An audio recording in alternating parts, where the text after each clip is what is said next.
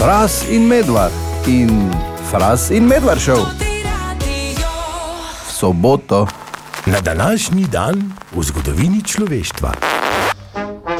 Na današnji dan, 20. januarja, kaj se je dogajalo v preteklosti?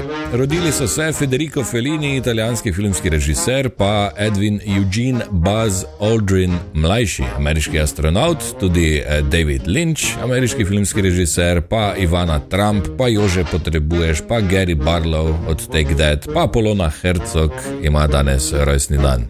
Eh, umrla pa sta Johnny Weissmiller, ameriški plavalec in filmski igralec, pa Eda Van Hemstra Ruston oziroma Audrey Hepburn, belgijsko-ameriška filmska igralka. Na današnji dan pa se je leta 1888 uh, zgodilo to, da je pričela izhajati slovenska literarna revija Dom in svet. Leta 1945 se je odvila prva smučarska tekma partizanov na osvobojenem ozemlju v Cerknem. Leta 1969 skupina The Beatles še zadnjič, prvič, eh, še zadnjič javno nastopi. Eh, leta 1980 je Bojan Križaj v Vengnu dosegel prvo slovensko zmago v alpskem smučanju. In pa leta 2009 se je odvila inauguracija Baracka Obame kot prvega temnopoltega predsednika ZDA. To je bilo torej v zgodovini 20. januarja. Instagramu je mar, mar jim je za mladino, za naše otroke.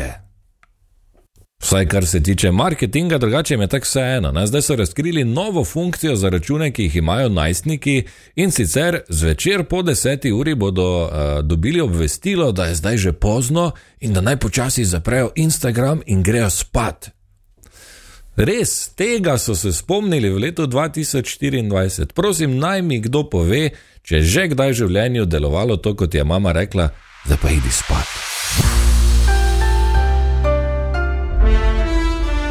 Pregled tedna.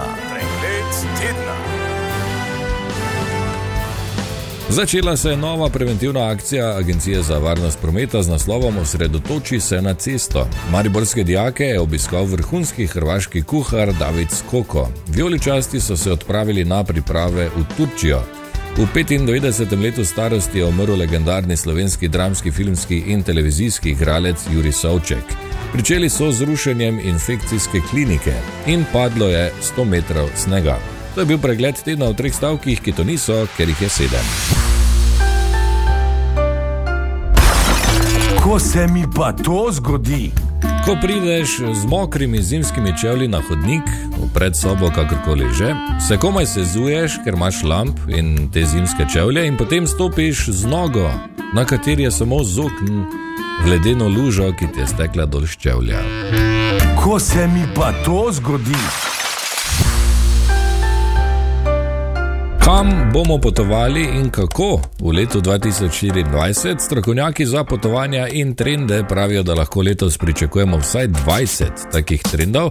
Astroturizem je recimo eden od njih, ko potuješ z namenom, da bi videl neki nebesni pojav ali samo zato, da pobegneš od svetlobno onesnaženega mesta in nekje v miru gledaš zvezde. E, menjava domov je recimo tudi eden od trendov, e, zaradi dela nadaljavo, ne, ki ga je ogromno mimo grede. In če lahko delaš nadaljavo, lahko to delaš 7 km stran ali pa 7000 km stran, zato se pojavlja menjava domov da greš ti recimo živeti eh, nekomu na Norveško, ampak tebi domov na Valvazorjevo. Zaradi vedno večje vročine bi se naj ljudje letos odločali tudi za bolj hladne poletne dopuste, namesto na morje, kam na hladno. In pa še ta, recimo, tam je zanimiv, prehranjevanje v naravi. Na švedskem, recimo, že ponujajo to, da lahko rezerviraš mizo nekje zunaj, v gozdu, kot da bi jo pri nas sredi stražuna, in potem greš uh, iskat, ne? koprive, jagodičevje, gobe, neko listje, veje in podobno. In si potem vse skupaj skuhaš po receptu, uh, ki jih dajo vrhunski kuhari. Če znaš, seveda, ne? jaz bi dal koprive vodo in zavrel vse skupaj in bi to bilo to in bi pil čaj iz koprive. Ampak ja, to je nekaj od potovalnih trendov v letu 2024.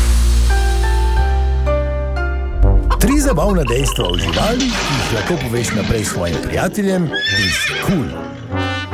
Ja, pa gremo, čas je za tri zabavna dejstva o živalih. Prvo dejstvo, ena vrsta belorepih zajcev ima najvišji skok v vsem živalskem kraljestvu.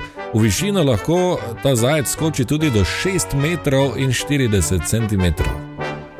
Sploh si ne znam predstavljati, kako je to mogoče. Predstavljaj si, da vidiš zajca, ki preskoči kombi ali pa tovornjak ali pa ne vem, spomenik, neki drevo, ne vem, pač čudno. Drugo dejstvo, krave opravljajo veliko potrebo tudi do 15 krat na dan, če je potrebno, kar nanese na okoli 50 kg blata.